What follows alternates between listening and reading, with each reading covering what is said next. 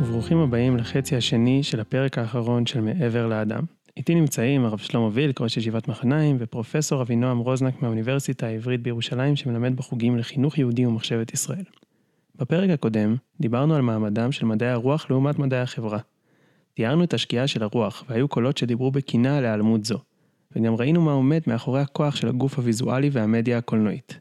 בפרק זה נדבר על מקורות הסמכות, והשאלה מי בא ראשון, האדם או הקדוש ברוך הוא. כל המחלוקות פה על תוכן וצורה ומה הדבר המשמעותי, אה, הזכירו לי עוד איזושהי נקודה שאני רואה היום אה, בשיח של, אה, שאני נמצא בו, ותגידו לי האם זה קשור לנושא שלנו של מדעי הרוח ומדעי החברה, והאדם שמחליף או יוצר את, ה, את האל, אני רואה היום בהמון מסוגי המחשבה שמשתמשים במקורות ככלי השראתי. ולא כאיזשהו מקור סמכות. הקורא בעצם מטעין על הטקסט את נבחי הנפש שלו, משתמש בטקסט כדי לפתור אותם, כדי uh, להפרות את עצמו, אבל הוא בעצם לא מתמסר אליהם. Uh, אתם רואים את זה בשיח של היום? אתם חושבים שזה קשור? איך הגענו לזה? אפשר להעריך בזה מאוד, אבל אני רוצה רק שנייה לדבר על טקסט, בסדר? אבל אחר כך באמת אפשר uh, להרחיב על זה. יש כל מיני ויכוחים שגדלתי עליהם, שהם ויכוחים שהם באמת uh, מעצבנים, זאת אומרת, היחס בין דת למוסר. כן, אז אה, מה יותר חזק? ואתה תמיד מראה כיצד אה, בסופו של דבר הדת עיצבה את עצמה לאור העקרונות המוסריים, שבעצם מה שעומד מאחורי הדבר הזה, זה שהאל אף פעם לא מצווה את האדם לעשות משהו שהוא יותר מדי מבחינתו, שזה כמובן מעלה את שאלת העקדה, והאם אנחנו מסוגלים להיכנס למצב של עקדה וכולי. או גם בתוך הפילוסופיה של החינוך, זאת אומרת עד כמה החומר הלימודי יכול לתבוע מהאדם להרגיש לא בנוח, עד כמה הוא מאיים על החברה שממנו אתה מגיע. אפשר כאן להעריך ולדבר על הרבה מאוד משנות חינוכיות שבנויות על הרעיון שבסופו של דבר הקליינט הוא המרכז. ואז כמובן גם עולה שאלה נוספת, אם הקליינט הוא המרכז, בשם מה אני יכול לתבוע ממישהו להתחייב למשהו? בסדר, אני יכול להגיד למשל, אם אתה תדע את האמת, אתה, אתה יודע מהו הטוב. אז עכשיו אני יודע מהו הטוב. אחרי שאני יודע מהו הטוב, מה מחייב אותי לעשות את הטוב?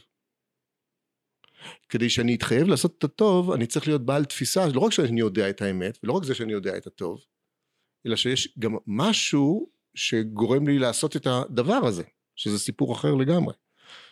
זה מעניין, הרב וסרמן, הרב אלחנן בונים וסרמן, אה, דמות חרדית שהייתה בת פלוגתא חריפה וקשה לרב קוק, אה, יש לו אה, רעיון יפה שמדבר על רק אין יראת אל, אל, אלוקים במקום הזה והר, והרגוני על דבר אשתי. אז הוא אומר, מה היה התמונת עולם של אה, אה, אבימלך? של אבימלך, הם ידעו את כל, הם ידעו את כל הפילוסופיה כולה, הם היו חכמים כאריסטו, הם ידעו את כל האמת ואת הטוב וכולי וכולי. אני מצטט אה, באופן לא מדויק מה שאומר. אבל אברהם לא רצה להגיד להם שזו אשתו, כי הוא לא ידע, הוא, הוא לא היה בטוח שאחרי שהם ידעו את זה, הם יעשו את הדבר הראוי. רק אין יראת שמיים במקום הזה. אין יראת אלוהים. זו טענה פילוסופית חזקה בתורת המוסר. אחרי שאתה יודע את האמת, ואחרי שאתה יודע את הטוב, ואחרי שאתה הבנת מהו הציווי המוסרי, מה יגרום לך להתחייב לדבר? זו שאלה. זו שאלה שנכונה לאתיקה, זו שאלה שנכונה גם לחיים דתיים. יש משהו אחד שאני מאוד אוהב שעוסקים במלחמה על הרוח וזה ביאליק. ביאליק ב... בחיבור המדהים שלו גילוי וכיסוי בלשון. הוא מדבר על איך אנחנו קוראים טקסט. מה אנחנו, למה אנחנו צריכים להקשיב כשאנחנו עומדים מול המילים הללו. האם המילים הללו הם סוג של שפה הסכמית שאמורה לשרת את היכולת שלנו לדע, אה, להצביע על משהו, להשתמש במשהו? זה אמצעי בשבילנו כדי להתנהל בתוך העולם. זו אפשרות אחת. והאפשרות השנייה, ואני מצטט, בני אדם זורים בכל יום לרוח, בכוונה ולפי תומם, מילים. אותן ואת צורופיהן השונים, ורק מועטים מהם יודעים או מעלים על לב מה היו המילין ההן בימי גבורתן. ואז הוא מתאר את הרוח, את האנרגיה, את המעבר, שנמצא מעבר למילים, ושהמילים זה רק הבגד שמכסה את הגוף ואת הנשמה שעומדת מאחורי זה. כשאתה מסתכל על טקסט, וזה קשור למה עשו חז"ל לדעתי בפרשנות המדהימה שלהם, של כתרי אותיות. אתה עומד מול הטקסט, אתה לא עומד מול מכשיר, אתה עומד מול אנרגיה. וזה ביאליק אומר. בסדר? אתה, אתה עומד מול אנרגיה ואתה אומר, אני שוב מצטט אותו, אבל מה יש שם? שואל ביאליק. הוא אומר, בלימה. בלום פה מלדבר. אם בכל זאת הגיע האדם לידי דיבור ודעתו מתקררת בו, אין זה אלא מגודל פחדו להישאר רגע אחד עם אותו התוהו האפל. אתה עומד מול משהו, אתה מבין שהמשהו הזה, שזה התרבות והמילים והשפה, זה רק התצוגה של החזית של אין סוף שאתה צריך להגיע אליו. וזה סוג של הד שמנסה לספר לך לאיזה מסע אתה צריך להיכנס. הפרשנות לא ידועה, ומדובר במילים שמתחלקות. לכתרי מילים. אבל אם אתה מבין שהרוח עומדת בפני עצמה, ואתה לא אדונה, היא לא אדונך, היא מעליך. היא לא מאיימת עליך, ולא מדובר כאן בשכר ועונש, אלא אולי שכר מצווה מצווה ושכר עבירה עבירה, אבל אנחנו לא מדברים על תמונות נוצריות של כנסיות של uh, עולמות של uh, גיהנום. אנחנו מדברים כאן על לפספס את החיים, לפספס את הרוח. זה עמידה אחרת לגמרי מול טקסטים. וזה בטח עמידה אחרת לגמרי מול תורה. מדובר פה בשער. ממש השער של קפקא. להעיז להיכנס פנימה. ולהבין שאם אתה לא נכנס פנימה אתה מחמיץ את חייך. פנימה אל מה? אל משהו שהוא רצוי שלא מנוכר לאני שלך. ושהוא, ושבסופו של דבר אתה לא תוכל, הוא מצווה עליך לחזור אל עצמך. הוא מצווה עליך להיות מחובר לעצמך. ולא לשקוע בעצמך. לא להיות נרקסיסיסט. האני והגוף שלו זה הבסיס ההכרחי כדי להתחיל איזשהו מסע שהוא משהו שהוא מעבר אליך. איך זה מתבטא?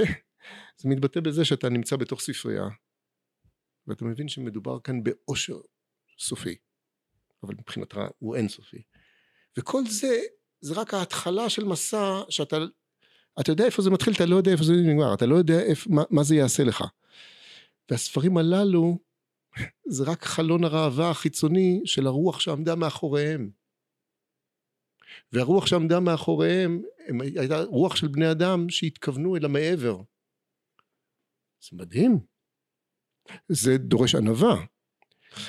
והתביעה של הרוח זה היה עצמך. קודם כל אל תהיה אל תכחיש את עצמך, אל תכחיש את הגוף שלך, אל תכחיש את היצרים שלך, אל תכחיש את, את, את הכוחות שלך. אבל אם זה מתחיל ונגמר בבך, זה הדבר הכי פחות מעניין. ובסוף זה גם נגמר בבדידות. הכניסה לשער בעצם זו היכולת שלנו לעקוד את עצמנו מול משהו גדול יותר? התביעה אולי להיכנס אל השער? אז יש תביעה להיכנס לשער, ויש uh, הזמנה להיכנס לשם. זה לא רק תביעה, לא רק עולם של חובות, זה עולם של מישהו מלווה אותך כדי להיכנס פנימה. מישהו מושיט לך יד, תן לו יד. תיכנס פנימה. אתה לא לבד. ואתה תהיה לבד אם אתה לא תבין שהוא נתן לך יד. אתה לא נותן יד למעבר, לאין סוף, שתובע ממך למחוק את עצמך. זה לא נקרא לתת יד, זה ברית. ברית זה שיש באמת זיקה בין שניים שהם לא שווים. יש כל כך הרבה דברים שצריך לומר. אה, נתחיל מהסוף של הדברים אה, שהזכרת עושיה בעניין של, בעניין של העקדה.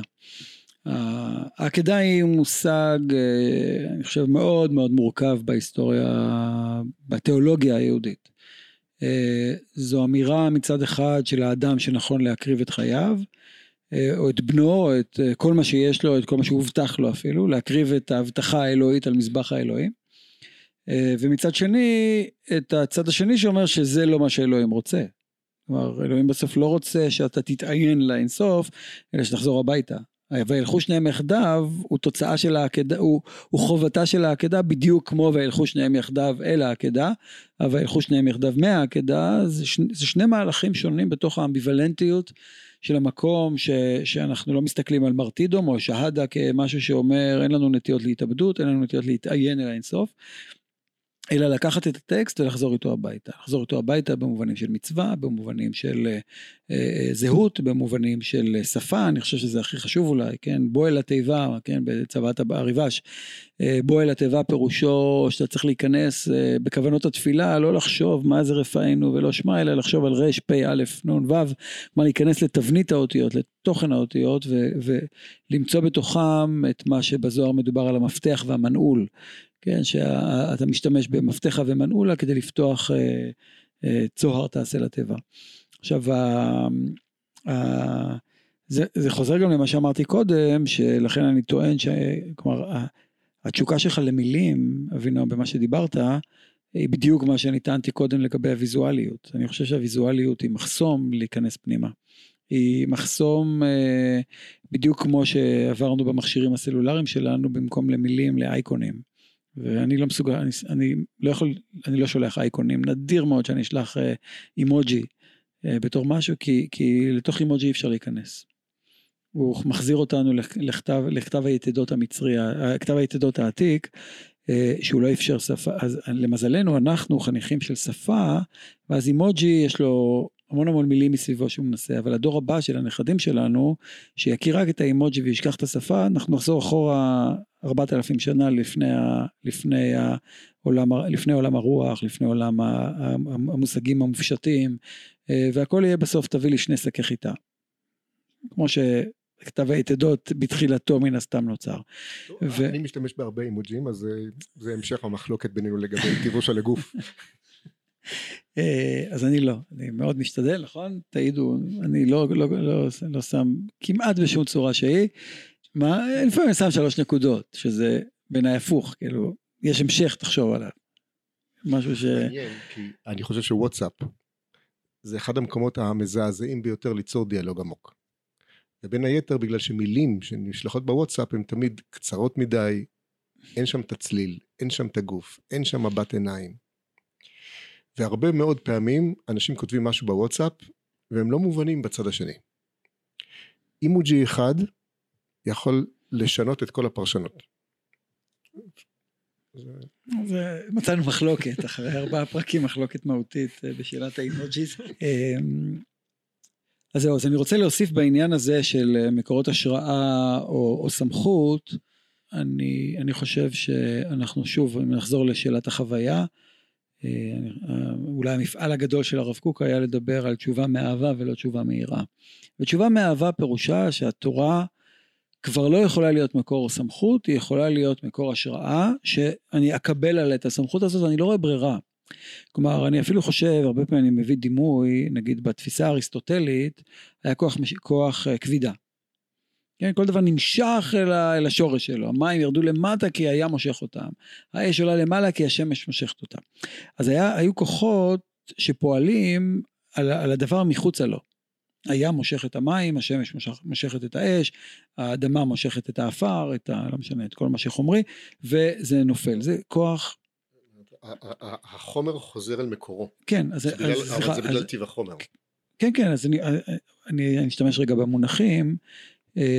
בתפיסה האריסטוטלית יש כוח משיכה. בתפיסה הניוטונית יש כוח כבידה. וה, וההבדל הוא במובן הזה שאני מתגעגע מאוד לכוח המשיכה, כוח הכבידה לא מעניין. זה נופל פשוט. וכוח המשיכה אומר שיש געגוע. שיש משהו שנמשך מטיבו של החומר, הוא רוצה להגיע למצב ההרמוני שלו, מה שאחר כך לימים יהיה כוח ההתמדה. אה, ש, שמבקש להיות במקום הנוח לו, הטוב לו וכולי, סליחה שאני לוקח לפיזיקה, אני מביא אותה לעולם הרוח, אבל ככה הם חשבו גם ממילא. ו, ואז ממילא אני חושב שבסופו של דבר הסמכות נפלה בעולם. ברגע שכמו שדניאל שליט אה, מתאר ככה כחוקר פוסט מודרנה, שברגע שלקחת את אלוהים מהמשוואה זהו, אין יותר סמכויות. כי כדי שיהיה מלך צריך מלך מלכי המלכים. כדי שתסתכל למעלה על הקדוש ברוך הוא, בדרך מלא אנשים שמו את עצמם באמצע בינך לבינו, כדי לקבל, להיות נאורים מתוך הסמכות שלו. והיום אנחנו גזרנו את כולם. גזרנו את כולם, בדרך כלל לטוב. אבל אז באמת אנחנו נצטרך כמחנכים, כאנשי רוח, כאנשי הוראה, למצוא איך אנחנו דרך מקורות ההשראה מייצרים הזדהות שמביאה בסופו של דבר למחויבות. אה, והיא באה מכוח משיכה ולא מכוח דחיפה, היא באה מכוח פנימי ש, שמקבל עליו מחויבות, גם מצד זה שאי אפשר אחרת בעולם שלנו, ואני מקווה ש, שזה לא ישתנה, אה, וגם מצד שזו באמת הדרך היחידה להגיע באמת באופן פנימי עמוק חזרה אל, ה, אל המקום התמים, העמוק, המחויב וה, והמאמין, אמ, אני לא, אני לא רואה שום ברירה אחרת.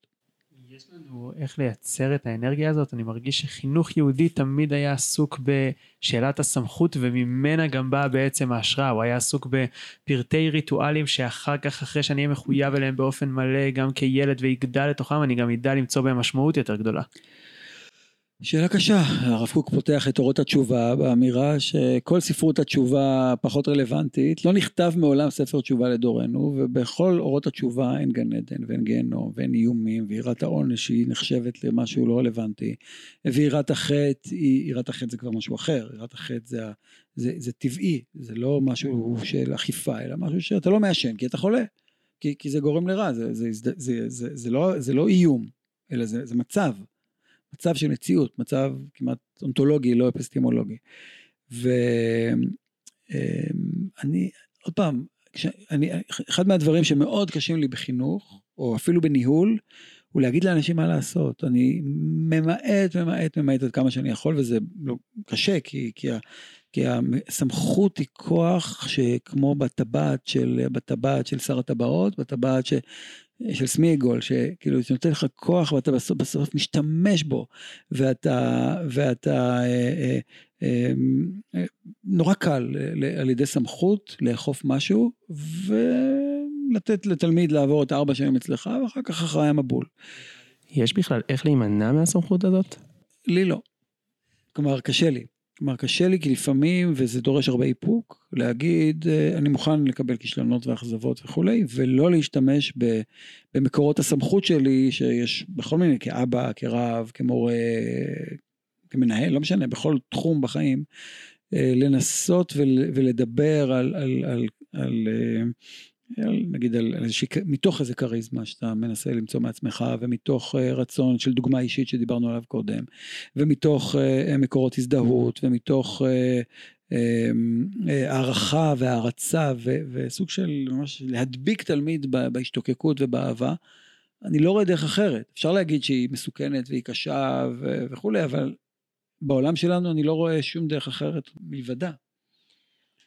אני רוצה קצת להמשיך ולשוחח על הדבר הזה, כי יש הבדל אני חושב בין אה, חינוך למבוגרים, ואתה מתאר אה, חינוך למבוגרים, לבין אה, מערכת החינוך, חינוך.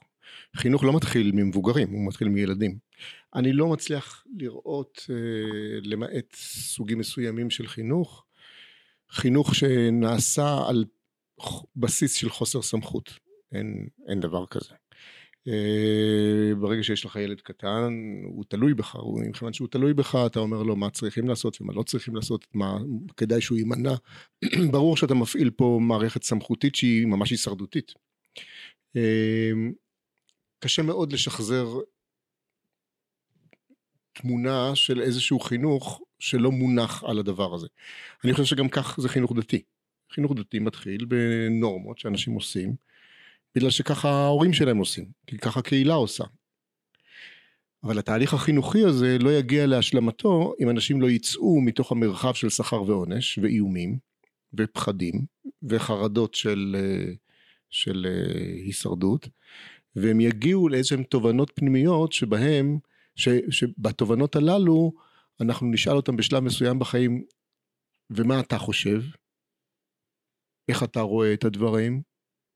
ואז אתה תקבל הד חוזר מאותו אחד שאתה שאלת אותו, ואתה תגלה שהדין וחשבון שלו עם עצמו הוא מספיק בוגר כדי שהוא יוכל לשלב בין העולם התרבותי שהוא קיבל לבין העולם הפנימי שהוא הצליח לפתח ואלה נפגשים ומשוחחים אחד עם השני ועושים משהו שהוא קומה נוספת מעל לדברים שנעשו מקודם והוא לא עושה את הדברים הללו מתוך אימה אלא הוא עושה את הדברים הללו מתוך חוויה בוגרת. אבל אני לא מכיר מהלך חינוכי שאין לו בסיס מצוותי אמ, לא בתוך מרחב, ברור שזה נמצא בתוך מרחב דתי, זה גם נמצא במרחב לא דתי. בסדר? כאשר אנחנו נמצאים אה, בתוך מרחב אקדמי למשל, אני אגיד לתלמיד, כך כותבים, כך לא כותבים. המשפט הזה לא נכון, המשפט הזה כן נכון. זה, זה משהו שעובר את הביקורת וזה דבר שלא עובר את הביקורת. מניין לי? אני מפעיל סמכות. אבל המטרה בסופו של דבר זה שאותו תלמיד יהפוך להיות למלומד והוא ידע את הכלי הזה, הוא יאבד את התום הראשוני שבו הוא רק אותנטי, יהפוך להיות לאדם מתורבת שהוא יודע את הכלים, ובלשונו של עקיבא יאן סימון יגיע לסוג של תמימות שנייה שבו הוא יוכל לכתוב מחקרים ומסות, שבו הוא יודע איך לכתוב, אבל הוא יגיד משהו חדש. ושם, ושם, אנחנו, ושם אנחנו מתחברים. יש בכל אופן כשל, אני חושב, כי אם אתה מנסה לדייק, אז אני אקח את זה עוד, עוד טיפה לדיוק. אה, כשסטודנט בא אליך ואתה אומר לו נכון, לא נכון וכולי, ואתה משתמש בקור סמכות, אבל הוא בא אליך אה, בגלל שהוא בחר להיות אצלך. בגלל, ודאי במדעי הרוח, ששום תועלת אין לו מזה בחיים הארציים שלו, אחר כך כל החבר'ה... הוא צומח מבחינה רוחנית, זה הדבר הכי כן, חשוב כן, בעולם. אחר כך הוא רואה שכל החבר'ה שלו... סוקרטס כבר לימד אותנו שכל שאר הדברים זה שטויות. למדתי אצלך, אל תדאג. אני- אני בס- אני מהבסדרים, אבל המצב הוא שבסופו של דבר הוא בא מולך בגלל שהוא רוצה לשמוע אותך. ואז אתה יכול, כלומר, זה, זה לא בא מצד סמכות, זה בא מצד כבוד. ויש הבדל בין השניים. אנחנו לא חיים, גם כהורים היום, זה נכון שאני אני רואה את ה... אני לא זוכר כבר את ילדיי. אני לא, לא, מן הסתם השתמשנו במנגנוני כוח. אני תמיד, כל חיי נמנעתי, גם כקצין, או כלא יודע מה, נמנעתי ממנגנוני כוח. למזלי היה את אשתי לילדים שלי. כן, בשביל, בשביל מנגנוני אזהרה ושכר ועונש. אה, אבל, אה, אבל בסופו של דבר, גם אתה וגם אני ניזונים לא ממקור סמכות, אה, מעלינו, ש- כאילו שאני יושב, עומד מעל התלמיד, אלא מקור הסמכות ניתן לי על ידם. וזה החידוש הגדול של העולם המודרני, למעט לצערי מדינת ישראל ות- ותפקידי הרבנות שמונחתים מלמעלה במקום מלמטה. שזה תקדים בעיניי זוועתי, שקורה שהמדינה ממנה עליי את אנשי הרוח במקום שאני אמנה אותם. ככה היה תמיד. וזה הטרגדיה הגדולה בעיניי, כן, ש... ש אה, מאוד נמנע, אין לי שום מינוי של מדינה על מישהו, כאילו לא, לא, לא, לא, מעולם לא פניתי לתפקיד כזה, ברחתי ממנו אפילו, אה, אני חושש מאוד מזה שמישהו ימנה אותי על מישהו אחר.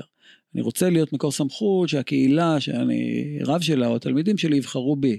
כי אם אני לא רלוונטי להם, או, ואם הם לא ייתנו לי את הסמכות, אז היא לא תהיה רלוונטית. אם אתה לא תהיה רלוונטי, אם אני לא אהיה רלוונטי, אל תחזיר אותי כל הזמן לשם, אני לא, לא, זה משהו אחר הרלוונטיות, אני חושב. אוקיי. וכמו ש...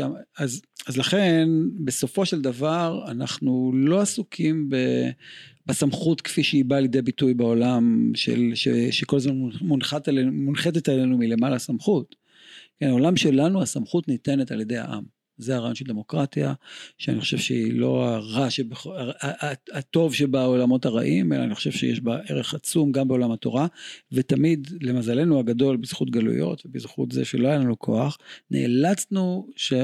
שגדולי ישראל קיבלו את הסמכות מלמטה, זה מה שהציל אותנו, זה מה שהפך אותנו למה שאנחנו. ותמיד היו צריכים גן עדן וגיהנום, אבל היום זה לא, מעניין, לא מעניין כבר. אני מאוד מסכים איתך, אני חושב שבאמת העולם היהודי נבנה בצורה עמוקה בגלל הגלויות, זה נבנה על חוסר כוח, אנחנו באמת תרבות אנטי פוליטית, אנטי פוליטית במובן הזה שלא הפוליטי הוא זה שמעצב את הסמכות, וזה בניגוד לכל המערכות האחרות, נכון. של מוזיקה, מדע, משפטים, פסיכולוגיה. אני בא לתחרות מוזיקה, אני לא מיניתי את השופטים, אני גם לא חושב שהם סבבה, אבל הם יגידו שאני לא אקבל את הפרס. אה, זאת אומרת, היכולת שלי להתקדם מבחינת הקריירה שלי בנויה על כל מיני אנשים שיש להם רק סמכות וכוח והם מפעילים אותה. בעולם הדתי זה לא קורה. נכון. או יותר נכון, לא בעולם- בעולם לאמון. היהודי זה לא קורה. לא זקוקים לאמון בעולם. היהודי אדם יכול להיות יהודי ודתי, והוא בוחר את רבניו, הוא בוחר את קהילותיו. זה דברים שאתה לא מכיר לא באקדמיה ולא במשפט ולא במוזיקה ולא באומנות. זה עולמות אחרים לגמרי. מה עם מושג החרם באמת לפני שאיבדנו אותו במודרנה? מושג החרם הוא מושג של אנשים שאין להם כוח חוץ מאשר החרם הקטן בתוך הקהילה וכל אדם היה רשאי בתוך המרחבים הימי ביניים הללו לקום ולעבור למרחבים אחרים. אנחנו לא מדברים על איזושהי מערכת שסוגרת עליך ואתה לא מסוגל לחיות בלעדיה, אתה מסוגל לקום וללכת. אה, באופן עמוק אני חושב שמושג החרם הוא הרגע שבו מישהו נכשל מבחינה חינוכית. אז הוא צריך להפעיל את החרם. אני לא בעד החרם. אבל גם המקומות של החרמות והגידופים והרדיפות וכולי וכולי נעשו בתוך שלולית קטנה של אנשים שהחליטו לחיות בתוך השלולית. ותמיד אפשר היה לקום וללכת. רביד, מבחינתך התיאור אה, המודרני בעצם שהצגת של הסמכות וההפיכה שלה להשראה שבעצם מעניקה את הסמכות מלמטה הוא לא רק עובדה בר קיימא מבחינתך הוא גם באמת איזשהו חידוש חיובי נכון?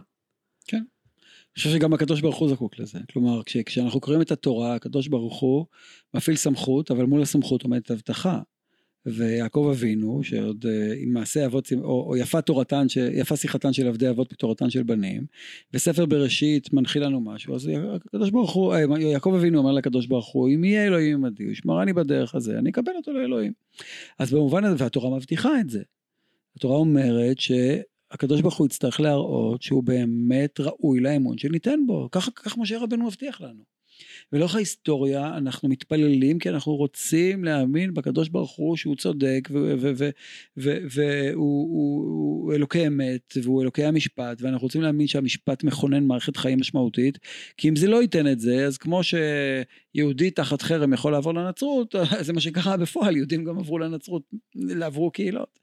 כי, כי הקדוש ברוך הוא לא היה בסוף גם, גם אלוהים צריך גן עדן וגיהנום לא מספיקים כן, אם, אם, אם בארץ זה גיהנום, אז, אז, אז זה לא יעזור שום דבר. אז, אז ה, ה, ה, ה, יש צורך בסופו של דבר, הסמכות, כן, והקדוש ברוך הוא, כש, כשחז"ל מתארים את זה באופן ככה שהוא בא כפוף כאילו בצורה מסוימת, צריך להגיד כביכול, בסדר, בשביל ה... בשביל ה... יודע מה, בשביל הנוירוזות הדתיות.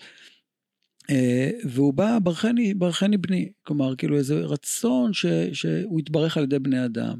והקדוש ברוך הוא מבקש מאיתנו, כמו שהגמרא אומרת, הביאו עליי כפרה שמיעטתי את הירח. פתאום הקדוש ברוך הוא מבקש מאיתנו כפרה, הוא מבקש, כאילו פתאום הוא בא אלינו כ, לא תמיד כ... כ, כ לפעמים הוא בא כאיש זקן על כיסא גלגלים, כאילו חסר אונים, ולפעמים הוא מופיע כאל מלחמה, כמו שהמדרש מתאר את ההתגלויות האלוקיות.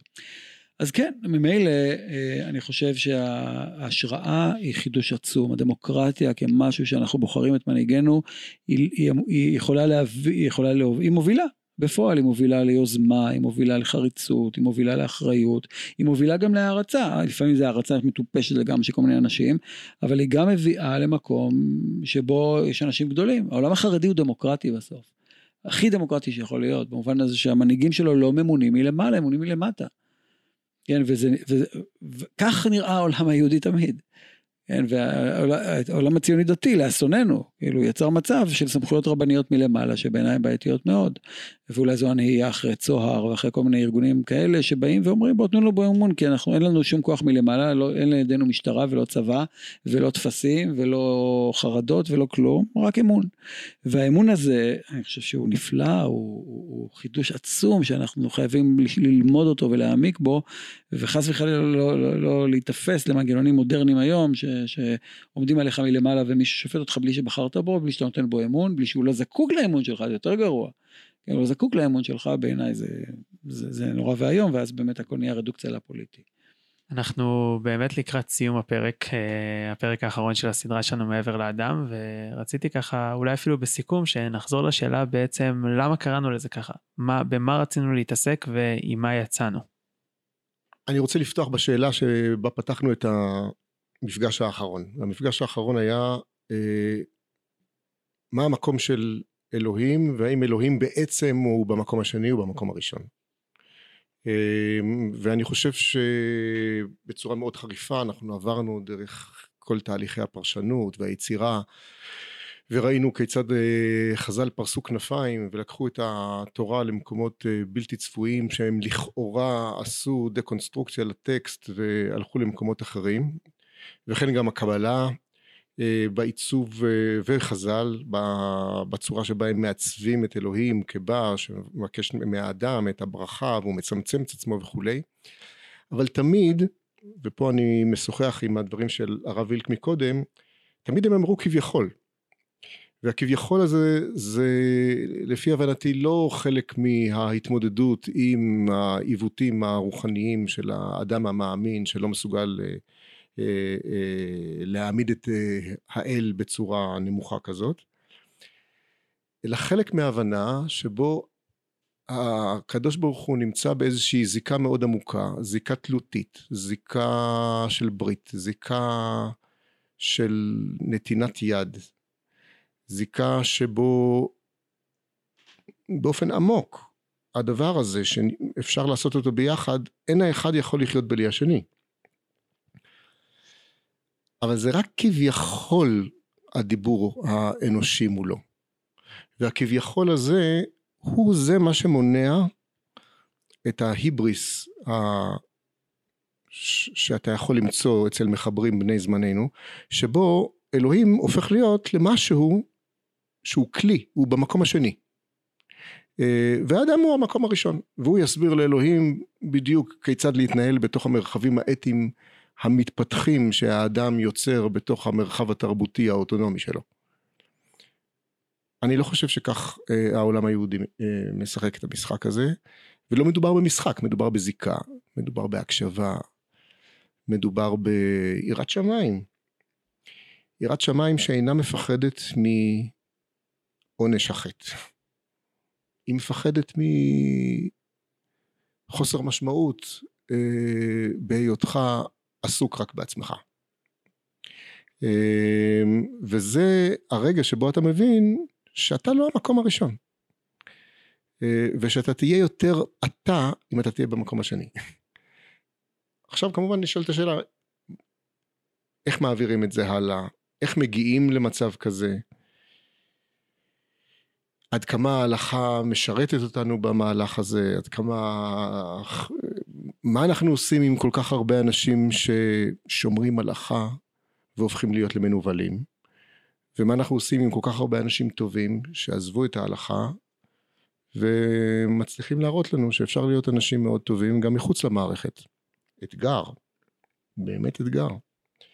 Uh, האתגר הזה לא הופך אותי למי שחושב שההלכה היא מיותרת, אבל uh, היא מבהירה לי בצורה יותר חריפה שההלכה היא לא מנגנון של הוקוס פוקוס, אלא הוא מנגנון מאוד עמוק, מאוד חכם, מאוד מרובד, מאוד מזמין, שאם אין uh, דמות של מחנך אמיתי ועמוק, שצריכים לטפח אותו ולהצמיח אותו, שמלווה את האדם בדרך הזאת, ההלכה לא תעשה uh, את הדבר.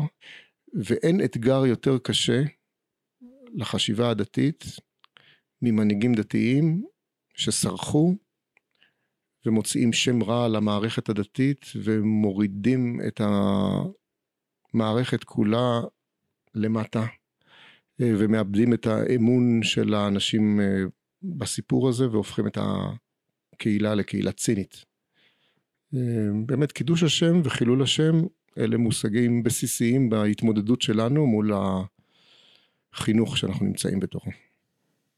באמת האתגר הוא מאוד גדול, ואומרים שלפעמים ההכרה בבעיה היא תחילת הפתרון. אולי זה בעצם מה שעשינו פה בהסכת הזה. הרב וילק, מה הסיכום מבחינתך? מה יצאנו לחפש מעבר לאדם? אני חושב שעשינו מסע, גם מבחינתי היה איזשהו מסע מחשבתי מעניין, אמ, שבסופו, אמ, לא רוצה לקלקל ארבעה, כאילו לעשות undo לכל מה שנאמר, אבל בסופו של דבר המסע לחיפוש הקדוש ברוך הוא מעבר לאדם, בסופו של דבר הוא מסע פנימי לחיפוש מהו אדם. והמשמעות הזאת של המשנה באבות שאומרת, עשה רצונך כרצונו. כדי שיעשה רצונו כרצונך, המשפט הפרדוקסלי הזה, אה, בא לומר שרק אדם שבורח מן הכבוד, אבל באמת בורח ולא מציץ אחורה לראות, הוא ימצא את עצמו. וזה מסע ש, שבסופו של דבר הוא עסוק בלהגיד, אתה תמצא את עצמך רק אם תהיה מוכן לבטל את עצמך. והאדם המודרני, שלא הסכים לבטל את עצמו, והחיים שלו הפכו להיות עיקר, הוא משועבד לכל הזבל שהאנושות יודעת ליצור, לטכנולוגיות ולטרנדים ולאופנות, וכעלה נידף ברוח של כל שטות, לאושר. אה, שלא, בעיניי לפחות, לא ממלא את החיים במשמעות. אה, הוא יכול למלא אותו, בשמ... ב... נגיד בשמחה, בסדר, אני מוכן ללכת לזה, אני לא בטוח גם לאושר, לא יודע. אה, וכשאני שואל את עצמי, כן, עוד פעם, אני נזהר מאוד מלומר, אני באמת מבקש לבטל רצוני מפני רצונו. אה, סליחה, לא, זה לא נאמר, נאמר עשה רצונך כרצונו. כלומר, אני מתבטל כלפי, לא, עוד פעם, מילה מתבטל פה לא נכונה. אני עושה רצוני כרצונו. אה, כי להתבטל זה מופיע אחר כך במשנה, כבטל רצונך מפני רצונו, כדי שיבטל רצון אחרים מפני רצונך, הקדוש ברוך הוא לא מבטל את רצונו. אבל היכולת הזאת של מפגש רצונות, אני אומר לבני זוג שאני מחתן, אה, אולי גם לך עושי, אמרתי לך ולנעמה, לפני החתונה שלכם, אולי לכם לא היה צריך להגיד את זה, שגם בזוגיות זה יעשה רצונך כרצונה, כדי שתעשה רצונה, רצונה כרצונך. כלומר, היכולת לתת לאחר את הרצון שלך, כן, ב, ב, ב, ב, ב, כלומר, לקר, בעצם להשאיל ממנו ולהגיד בואו נתחלף ברצונות, את תרצי את מה שאני רוצה ואני ארצה את מה שאת רוצה. קורה אותו דבר כאילו כמו שכל אחד דואג לרצון שלו, אבל בעצם שני הרצונות מתממשים, אבל בגדלות, בביטול ולא, ב, ולא בנוכחות. אה, אני, אני מפקיד את רצוני לכם, כן? אתם תדאגו לי, אני אדאג לכם. ובאמת כשאנחנו נמצאים בתוך מערכת יחסים כזו עם הריבונו של עולם, אני יודע שאני מוחזק. אני יודע שהקדוש ברוך הוא ימצא אותי ודרך זה אני אמצא את עצמי, דווקא על ידי זה שאני אשליך על השם יהבך. ואז הקדוש ברוך הוא משליך עלינו את יהבו. ואני חושב שזה הליבה של, של המחשבה היהודית. שהקדוש ברוך הוא אומר לתקן עולם במלכות שדי. כלומר שאנחנו לפחות אה, מדברים על בעלינו לשבח, או בכלל על המושג הזה שהקדוש ברוך הוא אומר, תנו דעתכם שלא תחריבו את עולמי. תדאגו לרצוני ואני אדאג לרצונכם. וכשאתם לא תדאגו לרצוני אני לא אדאג לרצונכם. אז בעצם, וזו מחשבה מהפכנית, מחשבה שמרגשת אותי תמיד שאני חושב עליה בעולם היהודי, ש...